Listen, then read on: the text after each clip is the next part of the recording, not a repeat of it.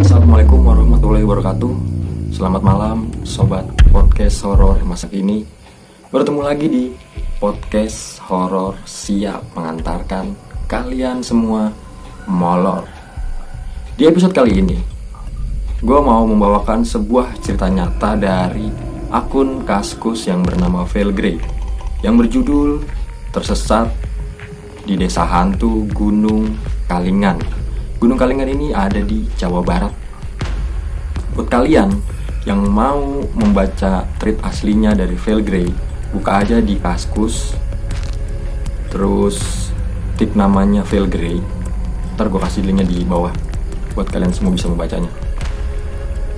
Ceritanya ini kronologinya ini ada pendaki tiga orang yang bernama Hendy, Gilang, sama Seto dia pendaki baru lah di Gunung Kalingan. Mau tahu ceritanya kayak apa? Sampai mereka tersesat. Saksin aja terus di podcast horor masa kini.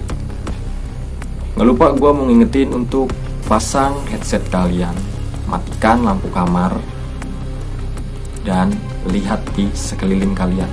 Siapa tahu mereka yang tak kasat oleh mata ada di samping kalian. Mari kita ke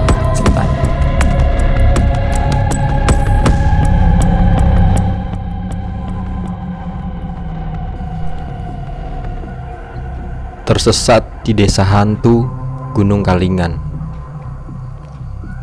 Kisah ini terjadi 22 tahun yang lalu.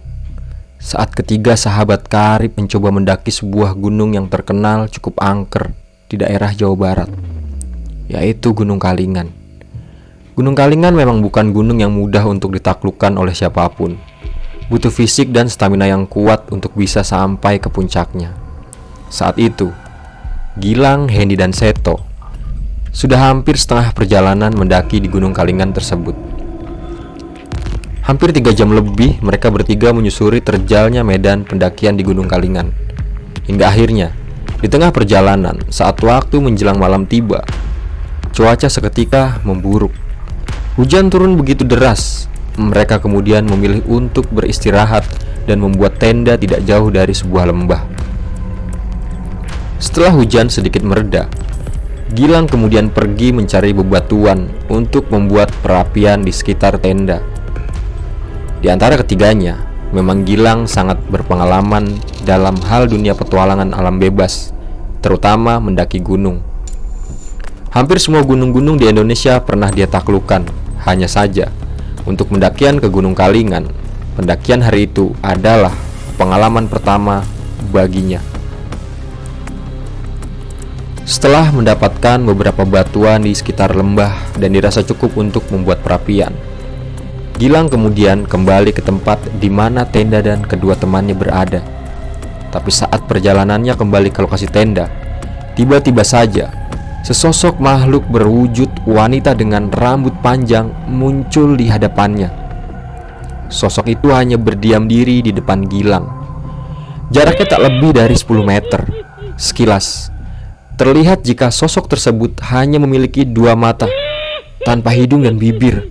Ya, sosok itu memiliki wajah yang nyaris rata dan hanya memiliki dua mata saja. Sesaat kemudian, sosok menyeramkan itu bergerak perlahan mendekati Gilang.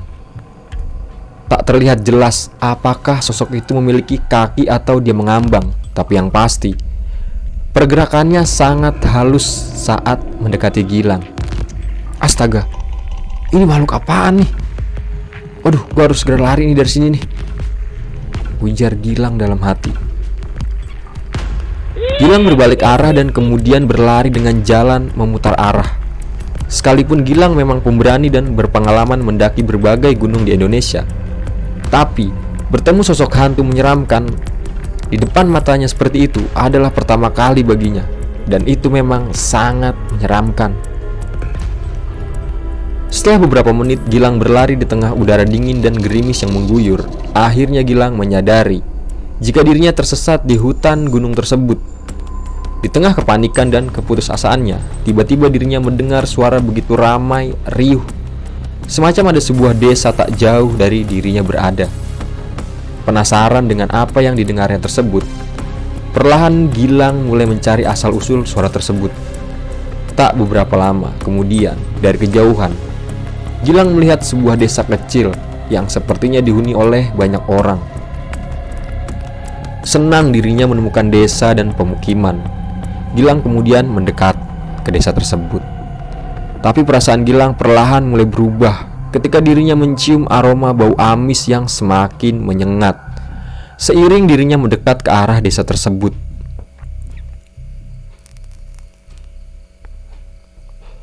Karena kondisinya yang memang tak punya pilihan lain, Gilang tetap mencoba mendekati desa tersebut dan berharap bisa mendapatkan bantuan dari penduduk di sana.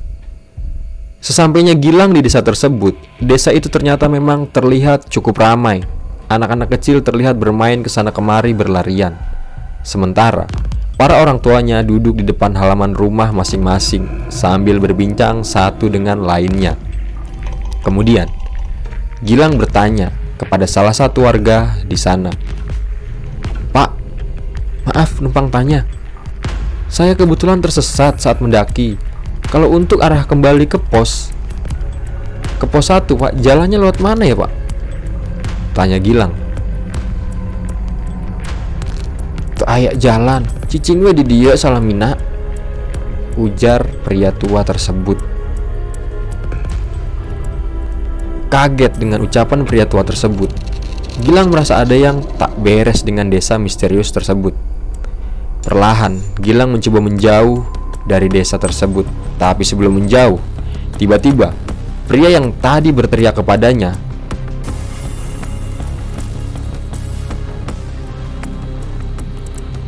Carilah dua batu besar di belakang desa ini. Ikuti aliran airnya. Itulah jalannya. Kata pria tua dari desa misterius tersebut dengan berteriak. Benar saja, tak lama setelah Gilang keluar dari desa misterius tersebut, semua warga yang tadinya terlihat warawiri tiba-tiba saja menghilang. Desa tersebut tampak sangat berantakan dan tak terurus. Gilang kemudian berlari mengikuti saran dari pria tua dari desa misterius itu, mencari dua batu besar yang berada di belakang lokasi desa. Dan benar, Gilang menemukan dua batu besar persis seperti yang dikatakan. Tak jauh dari batu itu, terlihat sebuah aliran kecil air yang menuju ke bawah. Gilang mengikuti aliran air tersebut. Setelah beberapa jam perjalanan, Gilang berhasil menemukan pos penjaga di kaki gunung. Gilang langsung menceritakan pengalaman menyeramkan yang baru saja dialami ke petugas yang berjaga. Setelah mendengar apa yang dijelaskan oleh Gilang, petugas langsung berkoordinasi mengumpulkan beberapa relawan untuk mengevakuasi Hendy dan Seto yang masih ada di atas gunung. Hampir 4 jam, Para relawan mencari keberadaan Hendy dan Seto. Mereka kemudian melaporkan telah berhasil menemukan tenda, tas, dan beberapa perlengkapan lainnya di atas gunung. Tapi mereka tak menemukan kedua orang yang dicari tersebut. Proses pencarian akhirnya berlanjut dengan tambahan bantuan relawan lain serta tim SAR. Dan menjelang subuh, salah satu petugas melaporkan jika mereka berhasil menemukan Hendy dan Seto berada di sebuah lembah Kondisinya, mereka ditemukan dalam keadaan tak sadarkan diri. Setelah keduanya berhasil dievakuasi dari atas gunung, mereka kemudian langsung dibawa ke rumah sakit untuk perawatan lebih lanjut. Kini, 22 tahun telah berlalu sejak kejadian menyeramkan itu. Dan kejadian itu masih saja terus membayangi Gilang. Terlebih, kedua sahabatnya Hendy dan Seto setelah kejadian dan hingga kini tiba-tiba berubah menjadi sosok yang berbeda. Mereka menjadi sosok yang pendiam dan selalu mengurung diri di kamarnya masing-masing. Tak ada satupun ahli, baik itu dokter maupun ahli kejiwaan yang tahu sebab pastinya. Tapi beberapa orang pintar pernah mengatakan jika jiwa mereka berdua sebenarnya masih terjebak hingga kini di kampung misterius Gunung Kalingan.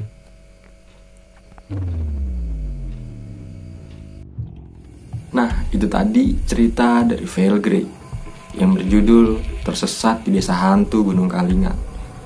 Bagaimana sobat podcast horror masa kini cerita dari Vale Grey tadi? sangat menyeramkan kan? Bagaimana kalau kita yang mengalami kejadian itu? Uh, nggak habis pikir.